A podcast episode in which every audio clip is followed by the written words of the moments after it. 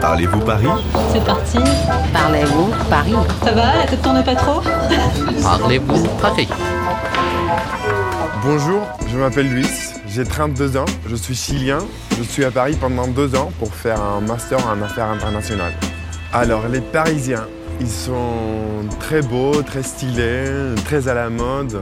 mais un peu fermés, et rigides surtout. Comment, en tant qu'étranger, on peut apprendre les codes sociaux សួស្តីប្រិយមិត្តកម្មវិធីយើងថ្ងៃនេះសូមណែនាំភ្ញៀវយើងម្នាក់គឺ Louis ដែលជានិស្សិតជនជាតិឈីលី Louis មករៀននៅប៉ារីនេះផ្នែកវិទ្យាសាស្ត្រនយោបាយនៅសាលា Sciences Po ថ្ងៃនេះខ្ញុំនិង Louis នឹងនាំប្រិយមិត្តទៅដើរលេងនៅម្ដុំ Odeon ក្នុងសង្កាត់ទី6ដែលល្បីថាស្អាតជាងគេនៅប៉ារី Bonjour Bonjour ça va Louis Oui, ça va très bien.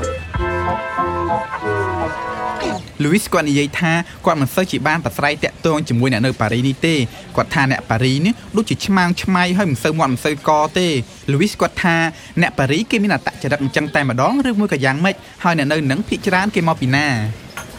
Claude Bonjour. Bonjour Bonjour, Bonjour. enchanté. Bienvenue ici à Paris dans le 6e. Merci beaucoup. ឥឡូវយើងបានមកជួប Claude Taro ដែលជាអ្នកស្ម័គ្រចិត្តនៅសមាគមមួយឈ្មោះថា Parisien d'Anjou សមាគមនេះមានផ្ដល់សេវានាំភ្ញៀវដើរលេងតាមសង្កាត់ផ្សេងៗនៅទីក្រុងប៉ារីនេះ C'est une association donc parisienne un jour qui est née de il y a plusieurs années de l'idée que les Parisiens étaient des gens euh, sympathiques, agréables, euh, accueillants, euh, mais que ça se savait pas assez et qu'il y avait beaucoup d'étrangers qui imaginaient que les Parisiens n'étaient pas sympathiques, pas accueillants, etc. Donc cette association a été créée pour recevoir des étrangers ou des provinciaux et leur faire visiter un quartier de Paris. C'était une très bonne idée. Ouais. សមាជិកសមាគមនេះសុទ្ធសឹងតែជាប្រជាជនអ្នករស់នៅប៉ារីនេះតែម្ដងពួកគាត់ជាអ្នកនាំភ្ញៀវមកពីបរទេសឬក៏មកពីខេត្តផ្សេងៗនៅបារាំងនេះដើរលេងនិងស្វែងយល់អំពីរបៀបរស់នៅនៅក្រុងប៉ារី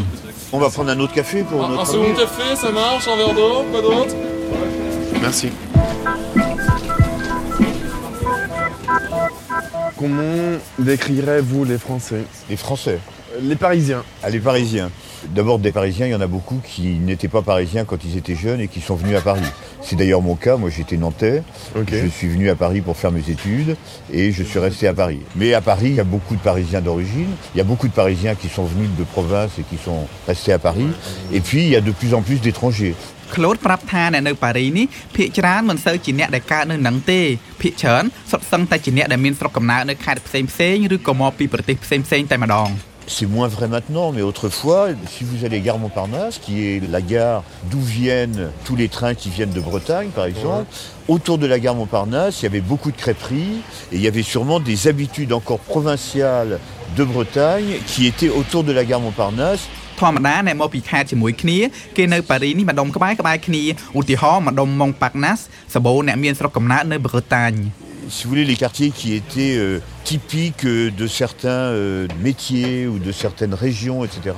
ont été vidés de leurs habitants traditionnels. Progressivement, les bobos se sont installés à la Bastille. Et si on regarde la façon dont ça a évolué, la boboisation, si je peux dire, est partie de la Bastille et est montée jusque dans le 20e arrondissement. សកាត់មួយមួយៗនៅប៉ារីនេះមានប្រជាជនរស់នៅប្រភេទខុសៗគ្នាពួកអ្នកបោកបោគឺអ្នកមានហ៊ឺហាលេងខ្លួនគេនៅភាគខាងកើត ហើយនៅភាគឦសានក្រុងវិញគឺគេហៅថាជាសង្កាត់ popular គឺសម្បូរប្រជាជនសាមញ្ញសាមញ្ញដូចជាកម្មករអីជាដើមដល់ទៅម្ដុំភាគខាងលិចសម្បូរអ្នក traditionnel គឺអ្នកមានតែគេរស់នៅរបៀបចាស់បុរាណអភិរក្សនិយម Vous trouvez que c'est facile ou difficile euh, de faire la connaissance des Parisiens C'est pas facile, c'est pas facile. Vous l'avouez. Mais c'est comme dans beaucoup de grandes villes. Je pense pas que les Parisiens, à ce point de vue-là, soient pires que les autres. ក្លូនិយាយថាមែនអ្នកប៉ារីនេះមិនសូវជារាក់ទាក់ទេតែគាត់ថាជាទូទៅឲ្យតែអ្នកនៅក្រុងធំធំៗអញ្ចឹងតែទាំងអស់ហ្នឹង Je pense que vous prendrez plus facilement des contacts dans les quartiers 11e, 12e, Bastille, etc., où il y a une population jeune, euh, contente de rencontrer un étranger. euh, C'est le meilleur moyen de pouvoir euh, faire des connaissances. euh, et ça sera plus facile que dans le 16e arrondissement ou le 7e arrondissement, où euh, il y a peu de gens qui se promènent et les gens sont sans doute euh, plus traditionnels et donc moins ouverts euh, à des rencontres euh, inopinées comme ça de ce Oui, type. c'est vrai. គាត់ថាបើលូវីសចង់ស្គាល់គេស្គាល់ឯងតោះតែទៅម្ដុំណាអ៊ូអហើយមានក្មេងៗរស់នៅច្រើន Et puis, je crois que se promener euh, rentrer dans les quartiers, et c'est ce que nous essayons de faire avec Parisien d'un jour, c'est de montrer que Paris, euh, c'est pas seulement des grandes avenues et des grands boulevards euh, et des lieux très connus, c'est des petites rues, des artisans, des petits commerçants euh, qui sont tout à fait prêts à, à parler si on s'intéresse à ce qu'ils font. ហើយមួយទៀតគាត់ថាកុំទៅតាមផ្លូវធំធំឬក៏ម្ដុំណាដែលសម្បូរទេសចរច្រើនចង់ជួបរាក់ទាក់ជាមួយអ្នកប៉ារីតោះតែទៅតាមផ្លូវតូចតូចដើរមើលនាយមើលអាយហើយធ្វើខ្លួនឲ្យរុះរាយសាំប៉ា